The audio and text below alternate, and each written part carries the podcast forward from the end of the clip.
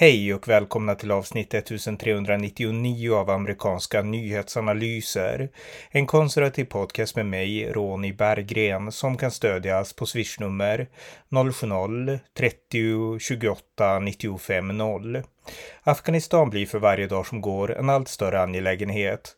Här följer ett samtal med svenska afghanen Ramin Jamshidi om situationen i Afghanistan, men också ett perspektiv på de afghanska invandrarna här i Sverige. Varmt välkomna! Ramin, välkommen!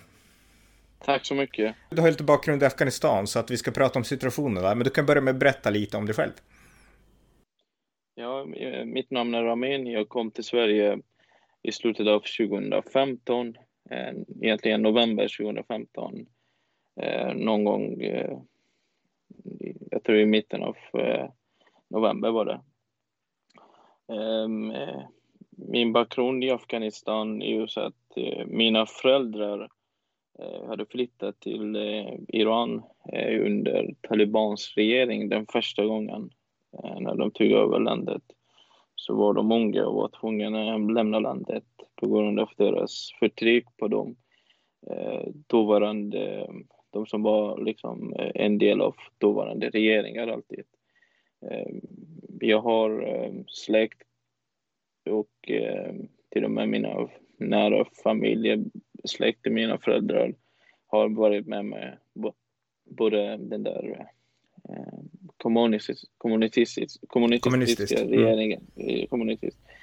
Eh, det betyder inte att de var kommunister, men de var liksom för regeringen. De jobbade för landet och för helt enkelt för eh, regeringen. Och de var emot talibanerna, men, det är väl det som är det viktigaste? Talibaner var ett, som min pappa berättade och de andra, det var något, ett nytt fenomen liksom. Det var inget att folk visste vart de kom. Liksom. Helt, helt plötsligt ett, en rörelse tog, eh, liksom växer upp väldigt liksom, snabbt i södra Afghanistan. Eh, grundades i Kandahar och spred sig väldigt snabbt bland den radikala islamister eh, runt om i landet. Den tog väldigt fart liksom, och Eh, de andra mujahediner, andra grupper blev tvungna att lämna själva också. Till de här när de till exempel talibaner eh, når till Herat, liksom, där jag kommer ifrån, mina föräldrar kommer ifrån, så blir det den där krigsherren Ismail Khan blir tvungen att eh, fly till Iran själv. Och eh, i norr blir det i norra Afghanistan liksom uzbeker och andra typ Dostom, eh, tajiker och eh, massa andra turkmener och de blir också deras ledare lämna landet för att när talibaner var på väg upp eh, och spridde ut sig så de dödade, antingen de dödade eller liksom tog med sig de som var krigare och fängelsade dem i Kandahar. Alla de tog med sig, de körde, eller de flesta blev mördade egentligen och filmades liksom. Så först, det, det fanns två punkter liksom. Första var att folk trodde att eh, folk var trötta på den där inbördeskriget i landet den tog, som, den tog ungefär, eh, om jag inte är fel, sju år liksom, max. Jättemånga var på flykt utomlands till våra grannländer. Så, eh, det gjorde att väldigt många var för, för talibaner innan de liksom kunde förstå vad, vad, vad är taliban egentligen. De trodde bara att det är en grupp som vill bara liksom köra över de som krigar i landet. Men det var inte så liksom. Det var eh, eh, innan taliban innan talibanerna liksom närmar sig till Kabul. De träffar liksom efter, de träffar först Ahmad Shah Massoud, den eh, eh försvarsminister i, i Kabul efter Najibullah, den kommunistiska regeringen. Det är han som först når i Kabul, han landar där och hans soldater tar över. Eh, mest, eh, det, det, det alliansen som han har med några, den där norra delen av Afghanistan tar över Kabul. Han kommer i ett samtal med Gulbuddin Hekmatyar. Det där, eh, han är fortfarande vid liv. Han är i Kabul just nu också. Han hade väldigt täta kontakter med pakistanier, med ISI. Pakistan, alltså, Underrättelsetjänsten i Pakistan. Ex, exakt. Han hade, han hade massa stöd från Saudiarabien. Liksom. Han har själv berättat i många intervjuer att eh, var fick du de där pengarna? Var fick du, hur fick du dina liksom vapen och alla dessa. Det kostar mycket att kriga liksom. Eftersom han, det var, han, han var en, en enda ledare som hade eh, makt över den där pashtunska stammer. Han var den som krigade mycket i Kabul mot Massoud. Så han var väldigt mäktig i början av eh, Mujahediner. Han kallades för... Han ville, de inbjöd honom att han ska bli statsminister i Afghanistan. Eh, jag vet inte hur var den där regeringen. Jag tror det var president, sen statsminister och eh, indelad i olika sådana. Men han, hade, han, han ville inte bli statsminister, han ville hela makten. Liksom. Eh, först bjöd han in Massoud till att eh, eh, det, det, är väldigt etnisk konflikt i Afghanistan. Mm. Eh, det är väldigt, man har väldigt, tyvärr är det så att folk hade tappat och tappade och har inte fortfarande en gemensam den där, vi som i Sverige ser den där svenska gemenskapheten, svenskheten som man alltid pratar om, eller andra länder som har som en nation, men det finns tyvärr inte i Afghanistan. Nej, det är många folkgrupper. Men jag tänkte vi kan, ja. komma, in, vi kan komma in på det om en stund, men det, det innebar helt enkelt de här konflikterna, att din familj flydde till Iran, helt enkelt. Ja, exakt. Min familj flyttade till Iran. Eh, jag är född i Iran, jag är uppväxt i Iran. Eh, så jag kan mycket i Iran också, men... Mm. Eh, men då är frågan, eh, varför kom, när du kom till Sverige 2015, vad var anledningen till det? För det kom ju väldigt många från Iran och Afghanistan då till Sverige. Vad var din anledning att komma hit? För det är, det är ganska intensiv debatt idag i Sverige om liksom de afghanska mm. flyktingarna och du är en av dem så att säga. Alltså, eh, den största orsaken kan det vara att de flesta afghaner som lämnar Iran, det är ju att eh, eh, man vill liksom helst eh, leva i frid. Men Iran är ju ett annan typ av förtryck jämfört med Afghanistan. Du kanske, du kanske var i fred i berget i en Kabuls berg där det är inte så mycket strid. Liksom. Du, har, du är i ditt land liksom. Men Iran, det är lugnt, det är inga krig, men eh, det är mycket förtryck, det är mycket eh, eh, eh de flesta, de flesta afghaner har en, har en väldigt dålig bild hos iranier också. Det är mycket rasmässigt frågor också. Jag vill inte lägga att alla är rasister, men, eh, men det finns också, det, det finns, eh, de flesta afghaner som, som är i Iran också, de är hazarer, eh, shia-muslimer och eh, de har helt enkelt ett mer asiatiskt eh, drag liksom, mm. jämfört med iranier. Jag som, jag, jag som har varit i Iran, det är ett annorlunda för mig än, min, än en landsman som är hazarer. Vad är du för något då? Jag, mm. jag, jag, jag tillhör den där persiska, tajikiska eh, etniciteten i Afghanistan. Just det. Eh, det är många tajiker i Iran också. Men det är väldigt svårt att skilja mellan iranier och tajiker. Eh, jo, de flesta azarer som kom till Iran var ju att eh, Khomeini, han, den där första ledaren för den där republik, eh, Islamiska republiken Iran, han bjöd in alla shia-muslimer eh, från hela världen. Han bjöd in dem, att de är välkomna till Iran.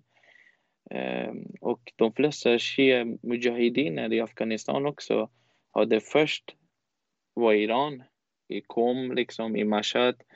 De liksom grupperade sig, de organiserade sig de fick liksom um, den där information, programmering, planen för att hur ska de strida mot uh, vad ska de göra liksom, hur ska de be om sina rättigheter och alla dessa grejer. Mm. Så det var massa täta kontakter mellan, mellan shia-mullor både i Afghanistan och Iran från början. Men uh, Iran är ju ett, eh, kan man säga, Iran är ett väldigt mer nationalistisk stat. Alltså nationen den där kulturen går före allt. Liksom. Även, om, eh, liksom, även om Iran är ju, eh, det är mullor som är styr, men det, det folket är ju en annan sak, regeringen är en annan sak. De är styrda mot varandra. De går inte ihop, men det, det är diktatoriskt. Liksom. Det, så alltid den där nation, den där kulturen, språket, allt detta gör att man är väldigt, det är helt enkelt det är väldigt nationalstat. Liksom. Det är inte enkelt att komma in i deras samhälle. Nej, så att lever man som afghan i Iran, då blir man alltså utsatt för förtryck och för mobbning och svårt att få jobb och sådana saker. Och det gjorde att du och många andra kände att när möjligheten fanns att komma till Europa så, så ville ni ta den chansen. Var det så? Man får liksom, om du är född i Iran, du kommer aldrig bli iranier. Jag tror inte att folk vill ha att bli iranier heller. För att vi är en grannland. Vi delar jättemycket med iranier, både i språk och kultur och alla dessa. Men, eh, och eh, vi ville ha också att någon gång vi ska åka tillbaka till vårt land. Det var inte så att vi skulle liksom, att vi ville ha mer afghansk folk, miljon, miljoner och ta över. Alltså det, det fanns inga sådana tankar utan det, det, det en vanligt flyktingsaknade i Iran var ju att man fick inte gå i skolan. Man fick ingen liksom när man kommer till Sverige får man en eh, LMA-kort från eh, Migrationsverket. Mm. Bara helt enkelt att man kunde identifiera sig, att, att vart man är, liksom ifall man blir stoppad så är det inga problem. Polisen kan eh, veta vem du är, vart du befinner dig, inga problem med dig, du är inte kriminell eller du är inte efterlyst helt enkelt. Men det är det jag saknar med idag. Man har ingen, man bor svart, man jobbar svart, man blir många barn föds i Iran, liksom, den där andra, tredje generationen. De bor i väldigt, liksom, ett väldigt dåligt miljö. Liksom. Just det. Kvinnorna, samma sak. De flesta män blir liksom tagna av iranska poliser. Det händer massa, helt enkelt. Man är, man, man är förbjuden i landet också. Ifall om jag liksom hamnat i Teheran, då är jag bara tvungen att leva i Teheran. Man får inte eh, liksom resa runt om i landet. Just det finns olika... Ja, men det var, det var intressant. Så att det finns ett förtryck i Iran mot, mot afghanerna som har kommit hit, helt enkelt. Om man ska göra det väldigt enkelt. Och... Eh... Precis, precis. Men eh, ja, det finns positiva aspekter också. Men alltid det där negativa man tar upp det. Ja. Så... Ja, ja, men, men det, det, det, räcker för då, då förstår jag liksom varför du kom till Sverige och så här. Och jag menar, det finns ju en debatt nu, vi gör en liten avstickare innan vi går in på att prata om situationen i Afghanistan. Men det finns ju en debatt här i Sverige om de afghanska flyktingarna. För det är liksom många som har ställt till problem. Vi har de här liksom gruppvåldtäkterna och liknande där många afghaner har varit inblandade. Och det är ett fenomen som vi aldrig har sett i Sverige förut. Och det är väldigt många på högersidan, den sida jag står på, som blir väldigt kritiska. Har du några tankar kring det, alltså kring de problemen och så? Eh. Alltså kring den där eh, våldet och... Eh, ja, ja, men det våld som har liksom det kommit som, med uh, många afghanska invandrare. Som, det, det gäller ju inte alla, det gäller inte dig, men det gäller ju liksom väldigt många. Och nej, det, är liksom, jag, jag, det har uppstått en debatt om det här i Sverige. Vad är dina tankar kring exakt. det? Ja. Uh, jag, jag, tror, jag tror, jag träffar massa ensamkommande. Jag är inte ensam i Sverige, jag är med mina föräldrar. Jag träffar massa ensamkommande, jag har massa vänner från andra afghaner också. För att jag själv var så här att jag jag hade inte, jag, jag hade inte så mycket kontakter med afghaner i Iran. Liksom. Det var den första träffen för mig med andra, mina landsmän var här i, Iran, i Sverige. Jag träffade andra grupper, jag lärde deras dialekter, jag förstod liksom efter ett, ett tag när vi var tillsammans, vi var, vi hängt mycket liksom. De flesta, de flesta är ju ensam helt enkelt i Sverige. Sen, vi kommer från de samhällen, de klaner, den där ehm, den där, eh, man har inte aldrig sett den där friheten som man får i Sverige. Man får inte den där eh, eh känslan av friheten som att kunna sköta sig. Liksom. Den där svenska, små barn, svenskan som föds i Sverige, det finns liksom en struktur, den där barnen går upp på det. Liksom. Man, man, lär, man lär sig man, vad, vad ska man respektera, vad ska man akta sig för, vad ska man inte störa liksom om man åker på, eh, stiger upp på en buss. Man ska inte liksom tjata alldeles för högt liksom, skrika att folk blir liksom, den där uppfostran, uppfostran. uppfostran helt enkelt saknades. Sen var det många, en del av afghaner som, eh, nu är det 2021 tror jag, 2019 och 2018 var massa afghaner i Nordstan i Göteborg där jag bor, sålde, de var langare. De sålde knark liksom i hela Nordstan. Många blev utsatta för eh, droghandel, massa liksom, små barn blev utnyttjade. Liksom, de sålde till dem liksom, oavsett. De hade ingen hänsyn till vem köper liksom. det var många som har varit liksom inblandade med våldtäkt, som du säger. Eh, jag har inte gått så mycket och läst om detta. Så. Men eh, om, om, om langare och om de som var mycket... Den, den där, de flesta, 90 procent, 99 procent av ensamkommande, de kommer från Iran. De, eh, de uppfostrades på gator på, med, med män som alltid har varit eh, äldre än dem. Liksom om, om man har varit tio år, han har jobbat för en affär, så personen liksom utövade väldigt makt åt den där barn som föddes i den där miljön. Liksom. Eh, han är ung, men han är väldigt våldsam, han är väldigt aggressiv. Eh, liksom, han har blivit påverkad när han, de, de som finns här. Så finns det, eh, jag pratade med många av dem, att hur blir det liksom eh, Eh, vi som vi pratar med varandra, vi säger eh, det är jättestort, det är ett hundra, det är ett klarhet för oss båda två att ja, vi kommer från förtryckhet, vi kommer från en dålig samhälle och vi har hamnat i ett bättre samhälle. Du har massa möjligheter att um, ta dig framåt. Men de flesta har blivit själv, tyvärr, um, drogberoende. De blir missbrukare i Sverige. Mm de har varit barn som hade inte haft liksom, de har blivit missbrukare. Sen, sen fick de direkt eh, kontakter i Göteborg med stora maffiagrupper som är okända kanske för oss eh, som individer i samhället. Men tyvärr är det liksom okej, okay, alltså polisen kanske identifierar dem, men det finns inga bevis att ta dem. Men det är de som kanske transporterar den där stora drogen men det som säljer, det är afghaner, det är eh, unga araber. Eh, nu byttes ut liksom. Nu är det inte längre afghaner i Nordsan, Om man, om man går igenom Nordsan. Nu är det tyvärr massa syriska flyktingar Syrien. Massa, man, ser, man hör mycket arabiska i Nordstan. Man hör mycket somaliska ungdomar eh, får liksom, har fått möjligheten nu eh, säger man. Just det. det är de som eh, för fram den där ver verksamheten i Nordstan. Så helt plötsligt försvann alla dessa ensamkommande. Jo, en annan anledning var ju att de flesta som blev langare, de på en och samma gång tror jag, under, under ett år alla de blev liksom, fick avslag från Migrationsverket. Andra avslag, tredje avslag, de blev svarta i Sverige. Så man kan säga att den där ekonomiaspekten också påverkade massa, blev på något sätt att man ska tjäna pengar också. Mm. De blev av med sina boenden och alla dessa. Det här också hörde jag massa av dem att de hade inte tur, men många av dem också kände liksom den där snabba vägen till pengar, massa, massa cash liksom, gjorde att de liksom ja. Eh, varför ska jag göra så här liksom? Jag tjänar bra med pengar. Mm. En sista fråga här då, sen ska vi prata mer om Afghanistan. Men jag menar, vad tänker du som ändå kommit till Sverige om hur den svenska integrationen fungerar? För jag menar, jag är svensk, jag har bott här hela mitt liv och jag kan ju tycka att det som har hänt med den här invandringen, det är att Sverige har blivit sämre. Det har blivit våldsammare, det har blivit otryggare, ekonomin, vi kastar pengar på människor som inte jobbar. Alltså Sverige har blivit ett sämre land på grund av invandringen. Det är min bestämda syn. Alltså hur, hur, tänk, hur tycker du att Sverige ska göra för att Sverige inte ska liksom fortsätta bli typ mer likt Iran och mer de här, likt de här länderna som inte alls fungerar? Vi, jag som är född i Iran, jag integrerade mig som iranier liksom.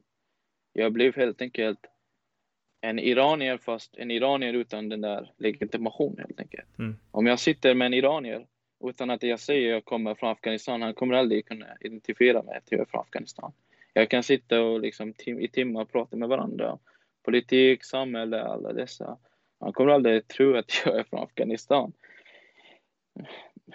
Tyvärr, alltså jag tror i Sverige, det, det finns ingen krav att man ska integrera sig.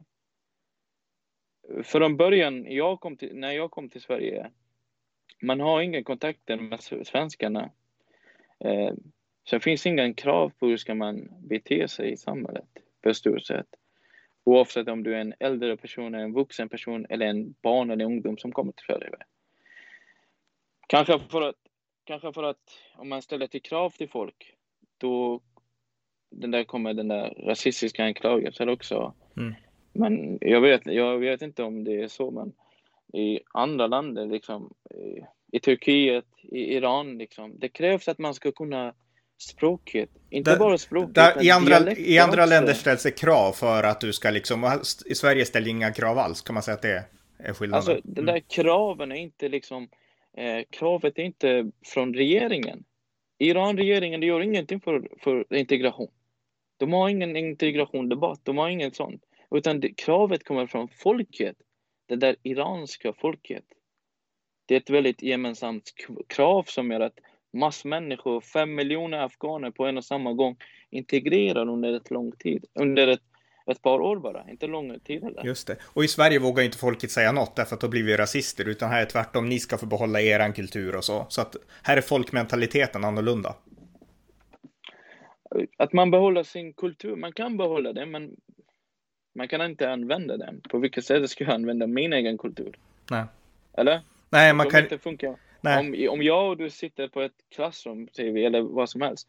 Eh, min kultur kommer att vara ett okänt eh, fenomen för dig. Mm. Du kommer att bli förvirrad av det. Och det tar tid för dig att förstå det. Och det är onödigt. För att, för att jag befinner mig i Sverige och det, den där det, alltså det är onödigt, det är inget liksom rasistisk grej. Man kan behålla sin kultur inom sin familj kanske och någon gång man ska fira den där persiska nyåret och man ska käka och det är klart, det är inget stor grej, jag ska behålla min kultur. Varför ska jag göra det? Nej, nej exakt. Inget, liksom. men, men, problemet i Sverige inget... är att vi, liksom, vi ställer inte kravet. Folket ställer inte kravet, regeringen ställer inte kravet att i Sverige måste ni anpassa er. Ni får ha era kulturer hemma, men i det offentliga måste ni anpassa er efter svenska lagar och även svenska normer och värderingar. Det är det som är felet med Sverige egentligen, kan man säga.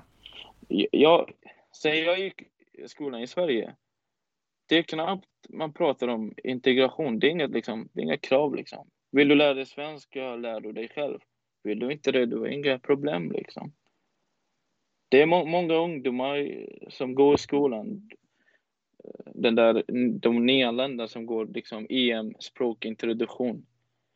Det finns killar som har varit liksom i tre år i en kurs utan att få ett liksom, betyg, utan att gå vidare. De kommer och kommer. Det är inga krav. Man får den där bidraget, man får den där pengarna. Läraren ställer inte krav kräver ingenting liksom. I slutet av året, liksom som en elev, man ska få liksom den där rådet. Vad har man kommit fram? Vad hände under ett år liksom? Ingenting. Man har kommit och chillat, sen åkte hem. Vad hände? Det hände ingenting. De där tre åren går över. Gymnasieåret, gymnasietiden går över. Sen är du ute i samhället utan jobb, förlåt, utan språk, utan den där kunskapen, färdigheter för att kunna liksom leva vidare. Vad ska man göra? Jo, självklart hamnar man i fel liksom, sida av samhället. Man hamnar i ett kriminellt nätverk som man har i massa orter i Göteborg, liksom Biskopsgården, Angered, liksom. Jag själv som ibland befinner mig dit, liksom. Eh, jag hoppas att folk inte tar illa och missförstår mig ifall de, de hör och ser det. Men det är inget liksom, jag skulle förvänta mig att eh, hamna där liksom jag, liksom, liksom jag som en individ personligen kom till Sverige för den här friheten, för den här, liksom, man ska kunna liksom, eh, leva som en män, människa, som en, den där demokratiska regler och värderingar som finns. Man ska kunna liksom helt enkelt leva i fri. Men tyvärr i massa orter, det är ett annat system fungerar. Liksom. Det är ett annat vi kan, vi, vi, kan avrunda med att säga att Sverige har inte ställt några krav och då har vi fått en, vi har bäddat för den situation vi har egentligen själva. Men jag tänkte, vi kan, vi kan gå vidare och prata nu lite om situationen i Afghanistan då, för du, du sa att du, du var tajik och du är uppväxt i Iran, men du hänger ju med såklart jättemycket och jag antar att du säkert har släkt kvar i Afghanistan också, alltså det som händer där. Så jag menar, nu har USA lämnat Afghanistan, talibanerna har tagit över, det har rapporterats om det här varje dag nästan. Det börjar väl trappa ner lite nu, men nästan varje dag i nyheterna. Och eh, Ja, alltså, och just nu står Afghanistan också inför stor svält, därför att ekonomin har kraschat under talibanerna och folket svälter. Alltså vad är dina tankar om Afghanistan under de här, ja, under den här senaste tiden? Det är en stor chock för hela den där afghanska folket, för alla, oavsett de som, de som är för Ashraf Ghani som flydde ur landet utan att liksom planera för att eh, överge liksom regeringen till någon som kunde ta hand om den.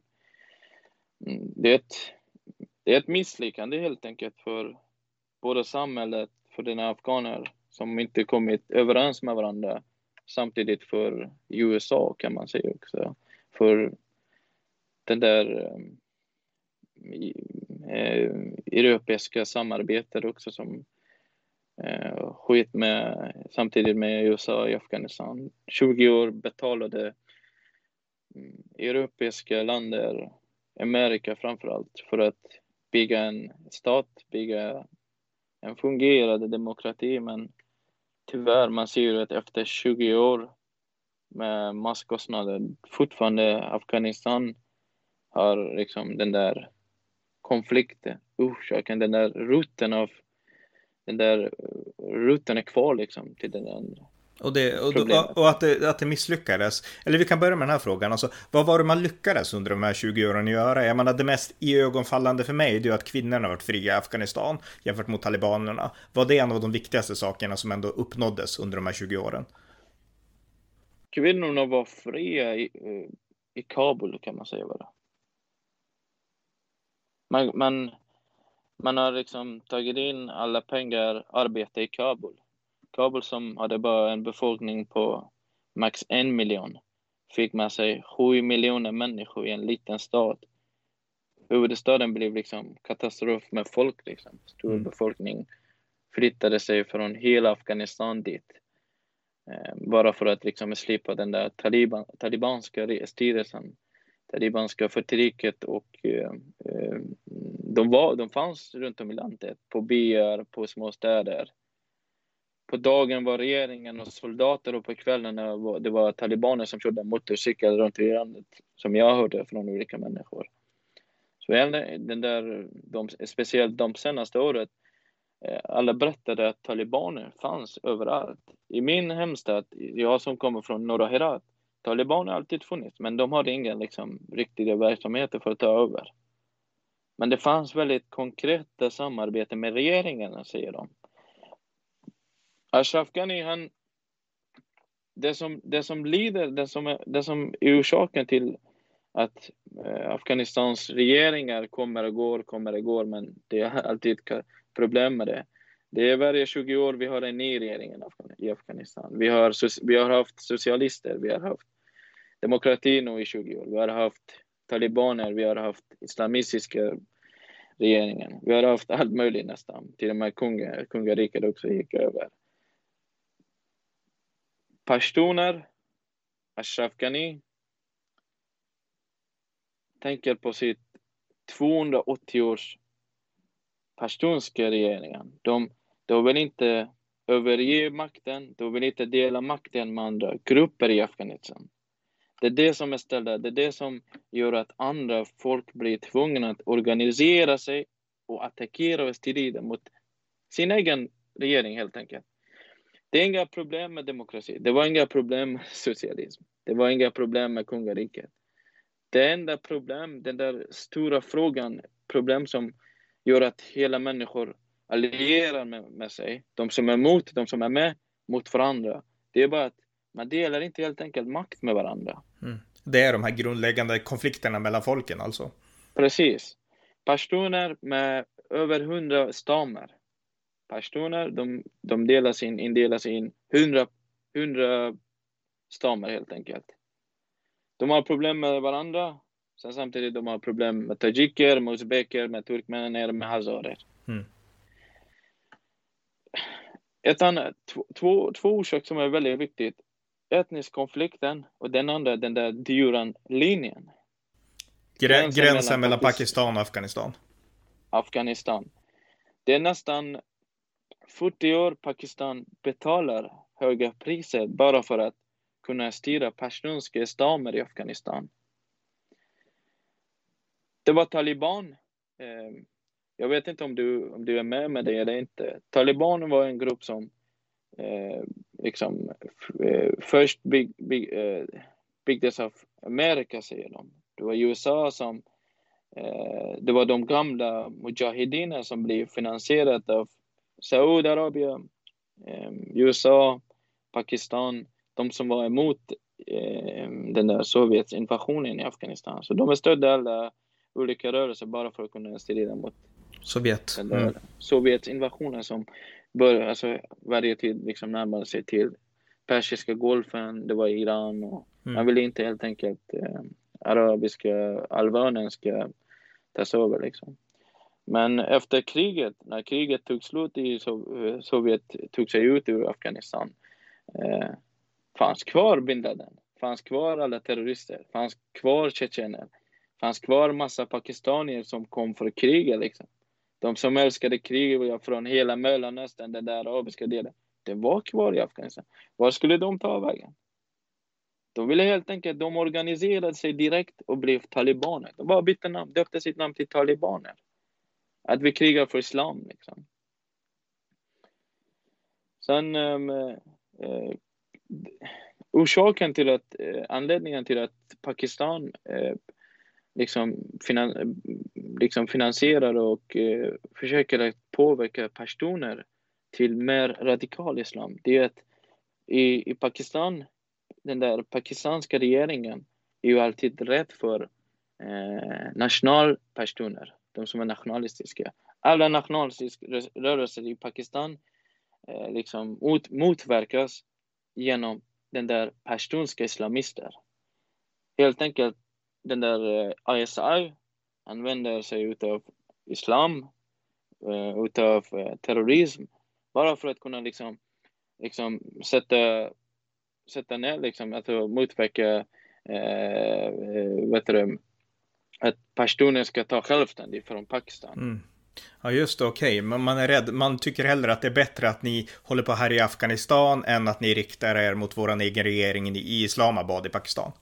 Precis. Och var, varje gång vi har i Afghanistan en regering med en pashtunsk ledare, typ Ashraf Ghani, eh, Mohammad Najibullah, Davud Khan, um, um, eh, speciellt Sardar Doverkhan och Zahir Shah, den första, sista kungen som, eh, som förlorade makten. De alla eh, liksom alltid var ett stort hot mot Pakistan. De alltid liksom eh, beundrade och eh, ville att person, personskap på andra, andra delar av Pakistan ska liksom höja sitt röst och eh, liksom komma på gator och liksom helt enkelt gå emot regeringen. Det är det som räddar Pakistan hela tiden. Och de mm. liksom, försöker liksom, skapa konflikter och skapa liksom, terrorism i Afghanistan. Pashtuner som bor i det, den där östra delen av Afghanistan under den där 20 åren som det var Ahmed Karzai, det var USA, det var Ashraf Ghani. Deras pengar var eh, kaldar. Du vet vad är kaldar? Nej. Den där kallade Pakistans pengar, eh, okay. current, current okay. money, mm. jag glömde på svenska. Så de pratar på samma språk. Gränsen var öppen. Terrorister flyttade sig på dagen dit, på kvällen och var över hit. Sen samtidigt, Karzais regering, Ashraf Ghanis regering, de liksom eh, skrev inte den där avtalen eller aldrig liksom sa att den där är en internationell linje, att man ska respektera det. Vi är helt olika länder. Mm. Det är det som... Det är så, det som så att, liksom... att, att, det inte fanns någon riktig gräns mellan Afghanistan och Pakistan, det är en av orsakerna till att talibanerna kunde bli så starka och återta Exakt. Afghanistan. Mm. Vi kan återgå till 2001. Ja. Den dagen som USA in, invaderar i Afghanistan, norra alliansen samarbetar med USA, på en vecka talibaner försvinner. Den där talibaner, var är de? På en vecka försvinner de. Varför kunde de inte liksom, eh, kriga mot USA eller för att liksom försvara sig? De försvann helt enkelt. Mm. Alla gick ut i olika håll. Var gick de? De till, gick till Pakistan? Till Pakistan. Pakistan helt enkelt. Pakistan och Iran. Det är det som allierar Iran och Taliban i Afghanistan. De har inget gemensamt. Det enda som att de ville Iran vill inte att USA ska finnas runt i regionen. Iran helst liksom gör allt för att liksom slippa USA runt om sig. Irak betalar liksom Iran för Houthi, den där Houthi och eh, Hashde Shahabi. Hashde Shahabi det är, ett gru, det är en grupp som är okay en terrororganisation enligt ja. USA i Irak. Betalar för dem i samma sak i Syrien. Så för Iran, det är viktigt att EU ska inte finnas i regionen. För Pakistan, Pakistan nu har, har, fått ett väldigt dåligt rykte i västvärlden också. Mm. Nu, nu är det hela västvärlden vet att Taliban, alltså i många år, liksom, det var Pakistan som stödde liksom, indirekt talibaner. Det var där de fick vård när deras soldater blev skadade. Det var där som tusen kilometer bland, bland, från söder till norra Sverige med motorcyklar. Och, var fick de sina bränsle? Iran. Var fick de pengar? Pakistan. Var fick de bränsle? Alla dessa liksom, våra grannländer som gav and i hand för att den där regeringen ska falla. Just det, jag förstår. Sen, mm. Ja. Vad gjorde, vad gjorde Ashraf Ghani i USA i Afghanistan? Eh, eh, John Kerry. Du känner honom? Nej, inte, nej. Utrikesminister John Kerry, Obamas Ja, John Kerry, okej, okay, förlåt. Ja, sant, ja. Mm, ja. Mm. John Kerry skriver i sin bok, hans, eh, den sista boken, ja. han skriver i sin bok att när den sista, det var 2014, förlåt, 2014 valet, liksom, den där valet, den där demokratin som folket trodde på. I min by som fick folk gick och, ut och röstade, de fick, de blev, deras fingrar blev klippta av talibaner. Dagen innan, dagen innan man skulle gå och rösta, talibaner har liksom gav ut den, eh, den där nyheten till folket. Om ni ska rösta kommer vi liksom klippa era fingrar om vi får den där. Man, man gick ut och liksom eh, stämplade sin finger. Ja, färre klick på fingret och så. Ja, exakt. Jaha, så, så talibanerna hotade med att klippa av fingrarna på de som röstade? Exakt. Okay. Ja, om vi upptäcker det så klipper vi denna, era fingrar. Men det gjorde folk för att folk trodde på en, en riktig demokrati för sina liksom, rättigheter. Men vad gjorde Amerika? När, när vi gick in i valet, eh, det blev en stor fusk i valet. Ashraf Ghani hade förlorat liksom, valet men ändå han fick sitta i regeringen. John Kerry skriver i sin bok att jag gick till Ashraf Ghani och sa till dem att du sitter i regeringen. Don't worry. Så helt enkelt, de respekterade inte den där Nej. Men det, det, det, liksom- var ju prat också om att det var fusk 2009 när Hamid Karzai vann den andra gången. Eh, men att, att liksom USA tänkte att vi har inget val, alltså vi måste, ja, man trodde ändå att de här skulle kunna hålla ihop landet. Men, men i alla fall, alltså, det här är, det här är intressant då. Men nu har alltså, om vi hoppar fram till situationen nu, för nu är ju det här historia. Afghanistan har mm. fallit, mm. talibanerna är tillbaka vid makten. Och eh, jag tänkte prata om två saker. Dels tänkte jag pr prata om svälten, för nu är det ju svält i Afghanistan. Mm. Alltså hur, hur pass omfattande är det här? Och hur, hur, hur liksom, vad innebär det för vanliga afghaner? Hur, hur ska de få mat och hur tänker de? Hur, hur, hur hanterar de den här situationen? Det är en väldigt svår eh, situation. Igår hörde jag att ungefär 200 000 människor lever liksom eh, utan mat på nätterna. Kanske mer liksom. Ett, en liten statistik hörde jag från Kabul. Folk har kommit på gator och säljer sina varor. Helt enkelt hemmavaror liksom, för att få lite pengar och försörja sig. Talibans regering blev inte erkänt av inget land hittills. Men Pakistan försöker att liksom ge den där förtroendet för talibanerna. Igår talades Imran Khan, eh, pakistansk eh, president, inte, president eh, talade ut att eh, man ska liksom Eh, jag känner talibaner och eh, han och Iran och Kina och Sovjet ska eh, tillsammans ska prata om, diskutera om de kan erkänna tillsammans. Men USA har liksom varnat för det att nej, eller Storbritannien har varnat för det att nej, ni får inte liksom göra det. Så ingen regering är känd, gränsen är stängd, inga liksom, eh, ambassader som är öppna längre ingenting fungerar i landet. Lärarna är hemma. Min eh, farbror som är lärare, han är hemma. Han är skyldig massor tusen pengar till olika folk för att bara han lånade sig. Han fick inte sin lön liksom. Um, det finns ingen soldater kvar. Det finns ingen liksom. Talibaner liksom går i, runt i landet med vapen. På toa, till och med de tar med sig sin vapen till toa bara för att de är rädda att de ska bli liksom, tagna av folket. De är så rädda liksom. Och ehm, eh, jag, jag, läste igår en, en liten rapport från en... Men, men de måste få, för, talibanerna är alltså rädda för att liksom, de är rädda också? De är jätterädda. Jaha. De är jätterädda också att eh, eh, folket ska liksom komma den där farliga upproret. Liksom. Ja. Man vet, talibaner vet att folk är beväpnade hemma. Alla har sin egen vapen hemma. Men man vill liksom slippa den där inbördeskriget igen. Än så länge har inte liksom kommit ut något liksom eh, riktigt uppror liksom. Men det kommer.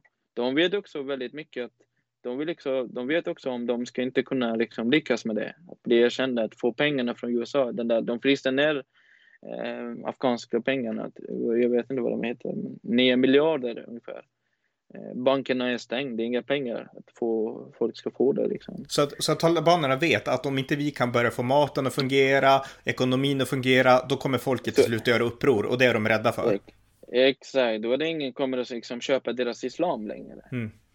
Just det, ja men det är intressant. Väldigt intressant situation. Men, men alltså just nu akut alltså folk, folk svälter helt enkelt. Och jag menar, kan, kan, kan, FN, kan världssamfundet göra någonting? Eller måste man? För diskussionen som går nu det är att vi vill gärna hjälpa det afghanska folket men vi vill inte skicka pengar till talibanerna. Jag menar, går det att hjälpa det afghanska folket utanför talibanernas liksom styr? Hur ska man hjälpa 30 miljoner? Allting är stannat. Hur ska ja. FN hjälpa 30 miljoner? Man kan inte liksom det är inte en miljon människor vi snackar om. Nej. Det är 30 miljoner människor som allting är stopp i landet. Inga företag, inga investeringar, inga pengar. Mm. Så det, det, det, så, så, ja, så det, det, är svårt, det är svårt för FN att hjälpa alltså? Exakt. Det, det är omöjligt. De hjälper, men det är omöjligt att hjälpa alla liksom, i nöd. Mm. Så att ytterst så faller ansvaret i slutändan på talibanerna som ändå styr regeringen. Precis, Just det. Precis, Intressant. Men, det ja. kravet som de ställde för talibaner det är att de ska liksom respektera kvinnors friheten, eh, humanis den där mänskliga rättigheten, vilket de kommer inte göra. De, de går ut med den där pashtunwali, sharia islam, den där radikala islamer. De har bott 20 år i berget, Ronny talibaner.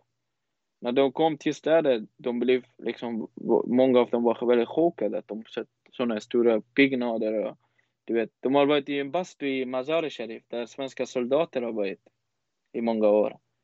Den där, den där svenska mm. Eh, de har varit i... ISAF, de, ISAF, de svenska ISAF-styrkorna. Mm. Mm. Exakt, de, har varit, de hade bastu. När en taliban går fram, liksom, jag såg en afghansk eh, journalist var med talibaner och gick in i den där svenska avdelningen. De gick in där. Taliban, en, en talib, talib frågar, en taliban frågar, vad är det för något? Mm. Journalisten försöker liksom berätta att det är en bastu. Men han fattar inte liksom. Nej. Vad är det bastu?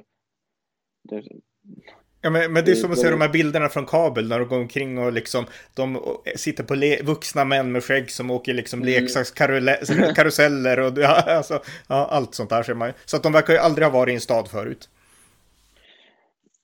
Det som, det som är väldigt roligt med talibaner, deras soldater, de tror att de krigar för Gud. De tror att de liksom, de har aldrig, varit, de har aldrig gått skolan, sen barndomen. De flesta talibaner har varit i koranskola, de blev hjärntvättade, de är riktiga farliga människor, så det går inte liksom att argumentera och prata med dem. De är väldigt farliga, de kan de har liksom, många av dem har den där eh, eh skydden, vet du, eh, som är med bomb liksom. De kan eh, liksom explodera sig. De är för det också. Samtidigt som de åker den där roliga Jaha, de, de, de, de åker karusell och så har de en självmordsväst ja, på sig? Okay. Exakt, självmordsväst på sig. Men deras ledare, den där, den där talibanska ledare, de flesta, eh, eh, de som kan politiken, de som, eh, de, de kommer från den där, de har varit en del av den där eh, kommunistiska regeringen. Eh, de har varit eh, kommunist, men men eh, under mujahedinska eh, regeringen och rörelsen, de, de blev liksom en del av den där persiska delningen. Det, det var ett liksom, etniskt eh, krig i Afghanistan i 80-talet, 90-80. Så pashtuner från olika höger och vänster, islamister, samtidigt kommunister och de som var i mitten, de, de allierade med varandra. Men på andra sidan, tajiker, de tajiker som var kommunister och var inte islamister. De var tvungna att lämna landet. De blev mördade av Liksom. Ja, men, men det här för oss in på, på den sista grejen jag tänkte prata om också lite grann. För att okej, okay, det är ytterst sett, vi kan inte svälten, det går aldrig för världssamfundet att hjälpa 30 miljoner Nej. människor, utan det är talibanerna som måste fixa det. Och lyckas de Precis. inte så kanske det blir uppror, vem vet. Men mm. det finns ju också ett annat form av motstånd och det är ju Ahmed Massoud i Panjshirdalen då, den här dalen mm. som hans far var legendarisk, han var tajik och han, han kämpade ju mot, mot talibanerna och var allierad med väst och så. Och nu sonen mm. Ahmad Massoud, den som leder rebellrörelsen där, och jag har hört mm. från andra källor att det går ju, ja, de har flytt till bergen och talibanerna har tagit över huvudvägen och sådär. Men, men liksom, hur viktig är Aman Massoud för att kunna ena det afghanska folket i ett möjligt uppror mot talibanerna? Det, det är ett väldigt liksom eh, eh, stor grej just nu. Att den, eh, att eh, för folket liksom eh, var en bekräftelse att under 20 år de, de här krigsherrar som var korrupta delade pengar med varandra oavsett deras etnicitet. De var i samarbete med varandra. De fick den där stora de här pengarna och satte rakt i fickan och liksom, eh, investerade i Dubai och i andra länder utom landet. Nu vet de att de var inte deras ledare. För en hazare som kommer från Bamian i centrala Afghanistan, nu är det inte längre Muhaqiqin ledare. Det som man får för innan talibaner skulle man säga emot han skulle bli arg mot mig. Bara för att han trodde att jag gör en dålig syn på hans SNES kanske. Man kunde inte diskutera så lätt enkelt dessa frågor. Men nu är det kört för alla. De vet att de var liksom den där, de var bara ett symbol, de var inte för folket. Innan, innan talibaner kommer, de där eh, ledarna var på, på media varje dag och de liksom eh, alltid liksom bara att vi, vi, vi kommer att kriga, vi kommer inte lämna, lämna landet. Men man såg att efter en timme, ingen var kvar. Ingen så, kvar. Ja, jag förstår. Så, så om, där, om, om, jag får samma, om jag får sammanfatta bara för lite grann så att det blir begripligt. Alltså eftersom det är olika folkgrupper så har alla haft sina olika ledare och förut var man väldigt knuten, det här är min ledare. Sen visas ja. det att varenda ledare var korrupt egentligen och brydde sig inte om sitt eget folk. Och när talibanerna kom så vart alla de här ledarna rädda och stack därifrån. Så att nu har man inget förtroende för de här lokala ledarna längre. Nej. Och, och, nu har, och den där unga Massoud som var i Kabul under talibanska invasion tar med sig sina liksom, närmaste vänner, soldater och de där eh, högsta generaler, special forest, de som han var vän med. De tar sin bil och åker till Panjshir mm. för att göra en motstånd mot talibanerna. Som han sa innan, eh, innan, en månad innan Talibans invasion, han hade en eh, samling i Kabul. Han berättade till den där nya generationen. Massoud bjöd inte in de gamla herrar, även om hans närmaste pappas vänner, Ahmad Shah Masoud, han bjöd inte in dem. För att han sa helt enkelt att de, att de gjorde liksom motstånd, hans pappa gjorde motstånd, inte bara för att få pengar, inte bara för att bli rik, Massoud dog liksom, han hade en enkelt hemma i, ett hus i Panjshirdalen, ingenting mer. Han krigade för landet, för nationen, för att vi ska hålla ihop liksom. Att vi ska inte fortsätta ha krig liksom. Så det, det, den gav en förtroende för Masoud, att han vågade, att han gjorde motstånd, att han inte kröp, han har inte varit med Ashraf Ghanis regeringen, han fick inga pengar, utan han liksom han kämpar för folket. Liksom. Så att, så att Massoud är den enda som, Massoud är en person som är kvar som man inte betraktar som korrupt. Alltså här har vi en person med rena motiv och liksom en, en ärlig person. Är det så man ser honom? Exakt. Sen, sen man ser att han är, han är väldigt, um, han är bra, han är väldigt, um, han är duktig, han är, han är studerad, när han pratar så han, han är karismatisk, att han, liksom beundrar kvinnors rättigheter. Man såg att i Iran var tusen, tusen kvinnor, tusen, tusen män av olika etniciteter kom på gator i Iran och stödde liksom Masouds rörelse, den där resistansen. Det var jätteväldigt viktigt. I förrgår kom han, liksom, man eh, släppte ut en röst till eh, den där afghaner och samtidigt många, många iranier liksom. Inte regering, utan vi snackar om folket det där iranska folket liksom visade sin stöd till Massoud i Afghanistan. Mm.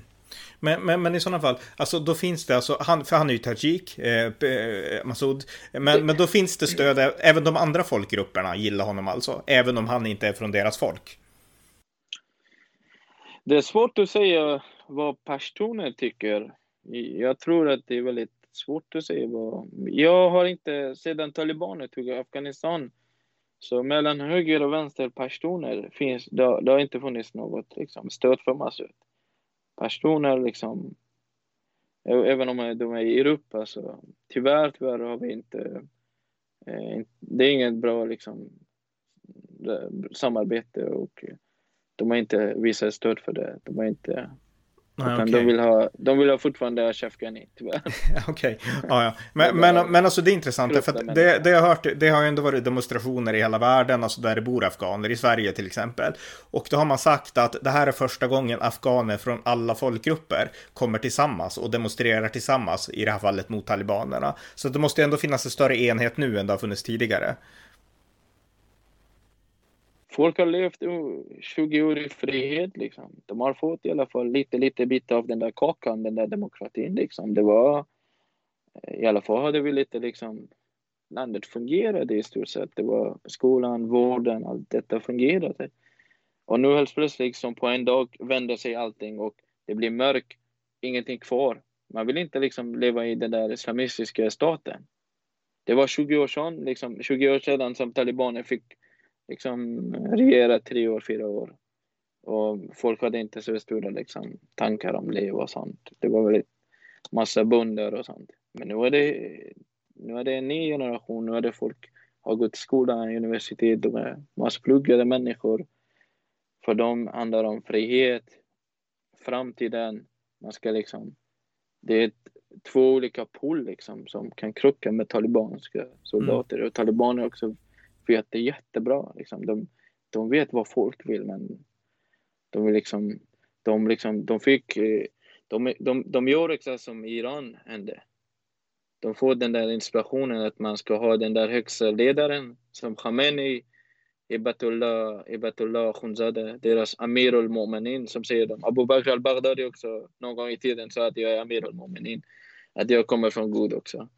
Och samtidigt, han visar inte sig på på nyheterna för att han vågar inte. Man vet inte, många säger att han är död, han finns inte kvar. Bara för att man undviker, eh, en, eh, undviker liksom eh, kaos bland talibaner. Också. Mm.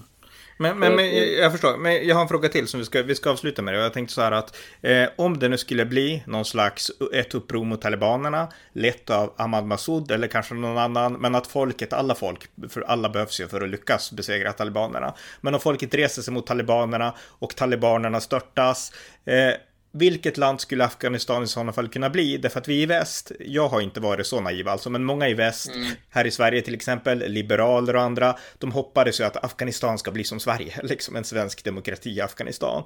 Och eh, jag menar, det är svårt att hoppas på det, därför att alla afghaner i princip 99% är muslimer och även om man är moderat muslim som Ahmad Massoud eller om man är en taliban så är det liksom islam är grunden, det är en islamisk republik liksom, kanske inte ett emirat men en republik. Så jag menar, eh, vad kan man hoppas på att Afghanistan kan bli i bästa fall? Kan det bli som Sverige eller jag menar, vad kan man hoppas på som är realistiskt för Afghanistans framtid? Det är väldigt svårt att säga att alla afghaner är muslimer. Det finns ingen statistik att säga detta.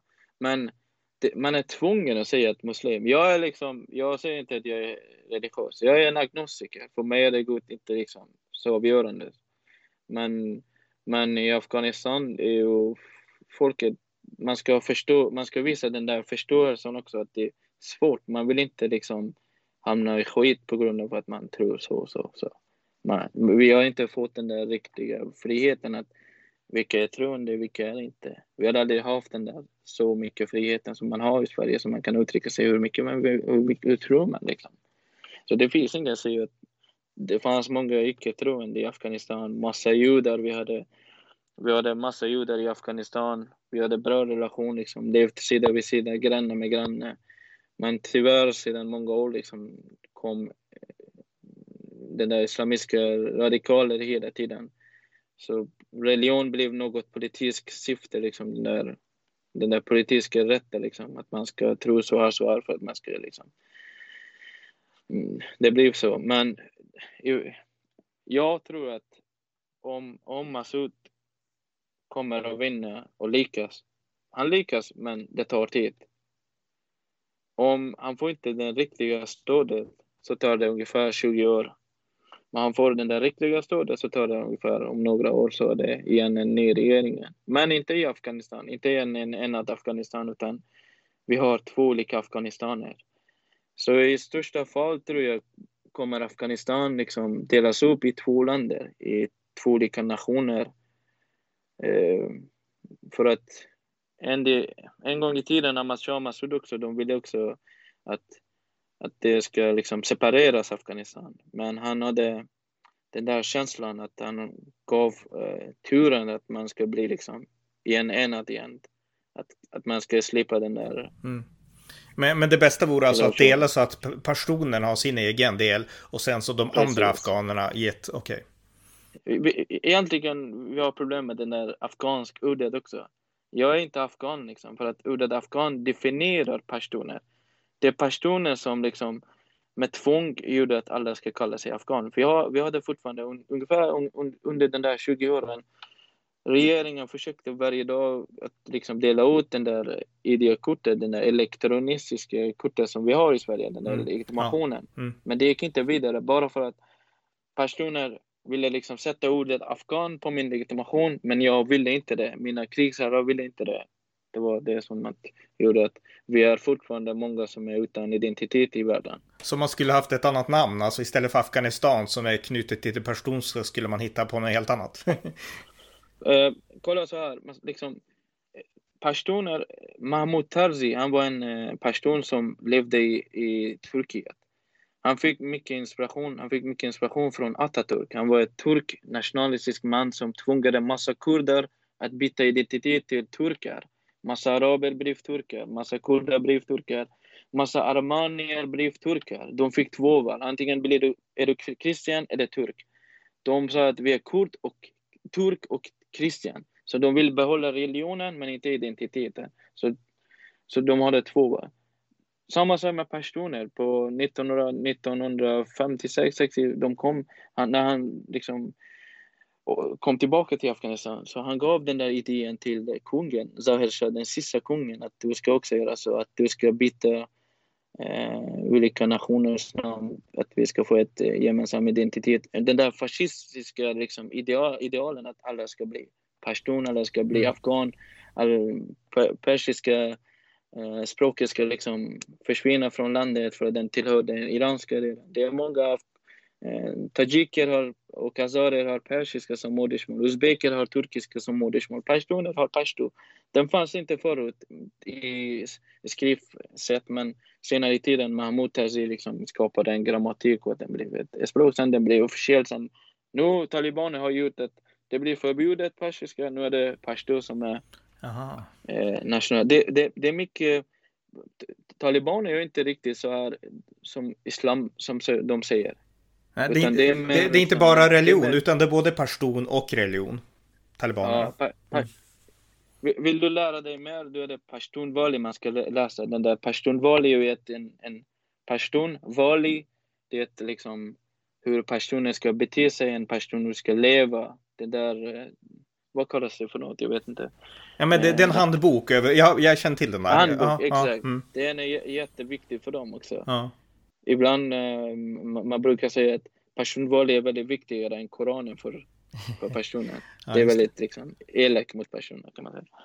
Det är så liksom. Ja. Men intressant, för att menar, då är Afghanistan väldigt splittrat och det skulle, man skulle behöva kapa bort personerna egentligen för att få någon slags enhet. Då. Men, men, men alltså allra sist då, alltså, vad för slags nation, oavsett om vi kallar det Afghanistan eller vad vi kallar det, vad skulle kunna byggas upp? Skulle man kunna bygga upp en västvänlig nation där? Eh, skulle Ahmad Massoud kunna bli en vän till väst och vän till mänskliga rättigheter? Eller skulle det bara bli en ny, liksom, ett nytt förtryck på något annat sätt?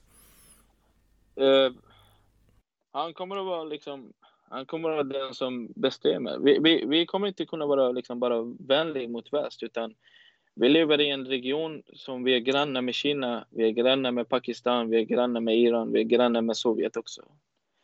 Så eh, med respekt till dem, att man ska ha ett väldigt eh, försiktigt förhållande till alla, så är det inte lätt liksom att man ska liksom lyfta upp den där flaggan att vi är väst, ni är öst. Liksom. Det är inte så kommer det fungera. Liksom.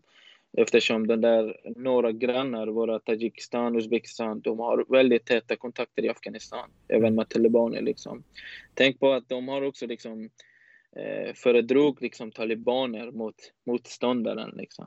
Framförallt Uzbekistan vill inte att tajiker ska få makten i Afghanistan bara för att han är rädd att den där tajikiska gruppen i Uzbekistan, i Sovjet, ska liksom komma i uppror och liksom känna att att man liksom, vi ska få också makten, för att de är också, också väldigt förtryckta i Uzbekistan. Mm. Eh, den där diktatoriska landet, ja. kommunistiska Så taj tajikerna i, i Uzbekistan är förtryckta liksom?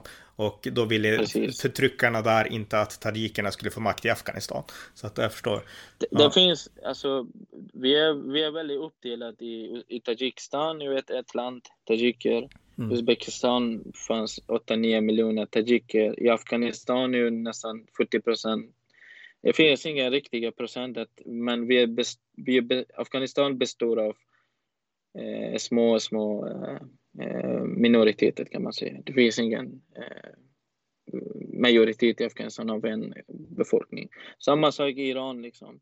Perser och, perser och tajiker är egentligen eh, ifrån eh, i gamla tider var samma folk, men eh, tajiker är sunnimuslimer och perser är shia-muslimer och där vi, vi går i olika vägar så blir vi olika folk. Liksom. Mm, jag förstår. Men, men Sen, mm. tajiker har den där main rollen bland olika folkgrupper. Liksom. En uzbek pratar persiska med en pashtun för att de har inte ett gemensamt språk liksom. En uzbek kan inte prata uzbekiska eller turkiska med en pashtun och samtidigt med en pashtun kan inte prata pashtunska med pashtun med så, det ja. finns, så att alltså, i, i Afghanistan har det, det har aldrig funnits något enhetsspråk i Afghanistan, alltså ett språk ja. som alla kan, det har inte funnits? Det, det var persiska, men det, andra språk också fick rätten också under ett lång tid senare. Tiden. Det var persiska sedan tusen år sedan. Mm. Just det. Ja. Men, men en, sista en sista tanke är alltså Ahmad Massoud, hans syn, han var ju alltid kritisk mot Ashraf Ghani och även mot, inte kanske mot vad USA gjorde, men mot, mot just det här centralstyret som USA ändå vill ha. Man ville bygga en enad nation av alla de här liksom, folkgrupperna, ha en stark regering som kunde ena Afghanistan. Och Ahmad Massoud, precis som hans pappa menade, att vi behöver en decentraliserad makt. Alltså att de lokala folken och eh, byarna och regionerna, provinserna säger man, eh, att de skulle få väldigt mycket självstyre och att den centrala regeringen kanske bara skulle styra utrikespolitiken. Alltså, han menade att det är enda sättet att kunna bygga ihop Afghanistan. Och det låter ju logiskt. Eh, det låter ju som att mm. utifrån det du har berättat. Mm. Han erbjöd decentralisering bara för att liksom, vi behövde mer, alltså vi behövde ju först och främst liksom få eh, liksom, eh, trygghet. Liksom. Får man tryggheten, då kan man bygga upp landet. Man får liksom om man har inte den där på landsbygden, den där tryggheten, man är rädd att din dotter, min dotter ska bli liksom eh, fångad av talibaner. Vem vågar liksom släppa sin dotter ska gå i skolan? Ingen. Liksom. Eller väldigt få ska liksom, kommer att göra det. Så decentralisering var liksom att kunde liksom leda att man skulle få den där tryggheten först. Man kunde liksom ha koll på sitt område. Sedan kunde man liksom vända på den där många års krig liksom man kunde liksom, eh, liksom få den där infra infrastruktur och den där pengarna som kommer från USA. Liksom. Mm. Afghanistan fick massor stöd från USA, massor pengar från USA, men man men... slösade pengar, men samtidigt fanns krig också. Man byggde en building, man asfalterade, dagen efter talibaner bombade allt asfalt som mm.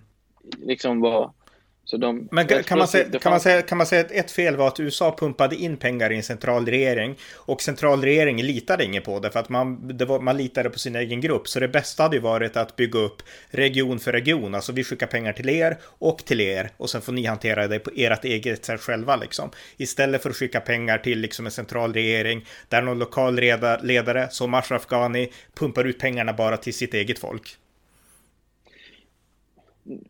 Just nu är det folk väldigt liksom arga på USA också. Det mm. finns ingen liksom, det är väldigt få troende på USA liksom. Mm, folk säger att de har lämnat oss mitt i ett kris liksom. Donald Trump gick med ett avtal med talibaner. Innan att man skriver en avtal liksom, man lämnade landet för dem. Hade Donald Trump eller Joe Biden skrivit en avtal med talibaner. Sen skulle man lämna landet. då skulle man få ett annat resultat. Innan man skriver ett avtal med talibaner så hörde talibaner att USA är på väg att lämna landet. Och de bara skjutit fram liksom det där avtalet, skjutit fram den tiden. De har kommit i Doha och pratade men de kom aldrig överens för att de visste att talibaner, att USA, förlåt, att USA är på väg ut ur Afghanistan. Och de hade i åtanke att nu är det vår tur att vi ska ta över landet. Och den där Ashraf Ghani såg du det liksom. En vecka innan han var i USA och lovade till Joe Biden att jag ska kriga mot talibaner, men efter en timme han lämnade Kabul. Han hade väl lämnat Herat liksom. Han sa till 10 000 soldater att de ska inte kriga mot talibaner i Herat. 10 000 soldater. Fullbeväpnad med USA-armé liksom. Allt var kvar. Pengar, mat. Men då fick den där orden att de ska inte kriga mot talibaner. Och det kom från, Mazar... det kom från Ashraf Ghani, hans Ashraf regering? Okej, okay. och varför? Ashraf varför? Ja. Ashraf Ghani och två till. Fazli, han kommer från Sverige. Mm -hmm. Han som blev liksom anklagad för uh, korrupt från Sverige. Han fick pengar från a-kassan samtidigt han var i styrelsen i Afghanistan. Det känner jag inte, det kan jag inget om. Berätta lite om det. Berätta lite om honom. Jag kan inte det här alls. Uh, han heter jag kan bara hans efternamn. Ja, men säg, börja med det då. Ja. Han, han, var, han var flykting i Sverige. Med Yashaf Ghanis regering, han fick liksom inbjudan att han blir liksom en, han, är, han var hans eh, eh, han var hans närmaste eh, grupp, säger folket. Att han och Moheb, eh, Moheb var från Storbritannien, han var från England. Eh, de är födda i England, men eh, tyvärr var de var väldigt, liksom, väldigt korrupta och väldigt, väldigt eh, anti, anti-grupper, anti-andra grupper, liksom, anti-tajiker, anti-hazarer. I många år har han varit i regeringen och fick samtidigt liksom, eh, pengar från Sverige, från a-kassan tror jag, om jag inte gör fel. Från försäkring. Ja, försäkring. Ah, ah, mm, mm. Och nu, han och Moheba Shafkani har liksom flytt ur landet med 169 miljoner dollar. Med masspengar liksom lever de eh, väldigt bra ju. Liksom. Men, men, men, varför ville de inte att folket skulle kämpa? Var det bara för egen personlig vinning eller liksom, vad var motivet? Att, motivet var ju att det fanns aldrig någon motstånd från Pashtuns-sidan mot talibaner. Taliban är ju en verklighet. Okej, okay. och, och de, var, de var pashtuner båda två? Okej. Okay. Tre personer. Alla tre, okej. Okay. Fazli, alla tre. Mm. Ingen annan hade makt liksom. Det finns en röst, eh,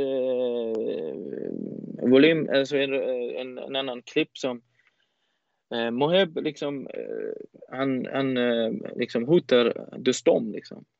Att det är vi som gav dig den där eh, makten och vi kommer ta, ta den tillbaka från dig. De som hade makten hela norra Afghanistan. Ja. Han är den där, den där han, är, han kommer från folket. Men inte de tre. Nej. Sen... Eh, han, han, som, visst, visst kämpa, han var väl kommunist också? Han kämpade liksom, visst var han det? Dustum? Eller minns jag fel? Han var med kommunistiska uh -huh. styret. Han var general, liksom. han var en soldat egentligen. Så mm. man kan inte säga att han är en politik. Liksom. Nej, okay. Han har inte gått till skolan, men han är duktig på att kriga. Mm. Eh, sen, eh, vad skulle jag säga? Glömde det. Eh, det var eh, Moheb och eh, Fazli. Eh, som sagt, det, fann, det, det, det, har inte funnits och det kommer inte att finnas någon motstånd från pashtunska sidan mot talibaner. För att talibaner kommer från Kandahar, kommer från Helmand, kommer från Paktia, kommer från eh, där Ashraf Ghani kommer ifrån. Så bakom gardinen, alltså bakom alla detta detaljer, det var en riktigt liksom, tätt eh, eh kontakt bland Ashraf Ghani och eh, talibaner. Liksom. Att de kom överens, att han lämnade över makten. Hade han, hade han liksom kämpat emot talibaner så var han tvungen att ge makten till tajiker, till Massoud, liksom, till norra alliansen, till eh, Dostom. Liksom. Det ville de inte heller. Nej, det ville okay. de absolut inte. Så, man, de, man, man kan, jag, jag, jag, jag, jag förstår, alltså, du tecknar en jättebra bild av det här. Så det man kan säga är att den afghanska regeringen var infiltrerad av talibanerna på grund av liksom, Pashtuns liksom, starka... Och, om tajikerna eller eh, ja, shia-muslimerna från Herat eller om någon annan folkgrupp hade styrt regeringen, då hade man inte gett upp. Absolut, absolut. med 300 soldater, vilket land 300 000. talibanerna Mm. skulle liksom, liksom talibanerna skulle liksom försvinna ur landet Mm. på må- många år sedan liksom. Det behövdes inte Ahmed Karzai, det behövdes inte Ashraf Ghani. Har det varit en icke-person i, i högsta liksom, militärbasen som hade makten, skulle aldrig liksom någon talib liksom, finnas i Afghanistan kvar. Mycket intressant. Antingen de skulle bli mördade eller de skulle bli fängelsade. Har du, har du fått den där informationen att eh, innan liksom, talibaner kommer, innan att USA bestämmer, bestämmer lämna Afghanistan, de har lämnat 10 000 talibaner. De högsta terrorister, de som var med och planerade, de som kunde kriga, föra fram kriget. Varför skulle regeringen lämna ut dem? Varför skulle de Nej. ut ur fängelse utan Nej, att släppa ut dem. Nej, nej, just det. Nej. Många av dem var i Guantanamo många år. Mm. En stor del av den där nuvarande regeringen, talibans regering, de kommer från Guantanamo. De varit i USA. Ja, ja visst. Ja, men det, det är jätteintressant det här. Men jag tror vi ska avrunda nu, för nu har vi pratat länge. Ja. Men jag är jättetacksam, så tack så mycket. Inga, inga problem, absolut. Det var avsnitt 1399 av amerikanska nyhetsanalyser. En konservativ podcast som jag driver ideellt, men som ni gärna får stödja på swishnummer 070-30 28 95 0 eller genom att via hemsidan stödja på Paypal, Patreon eller bankkonto. Det var allt för idag. Tack för att ni har lyssnat.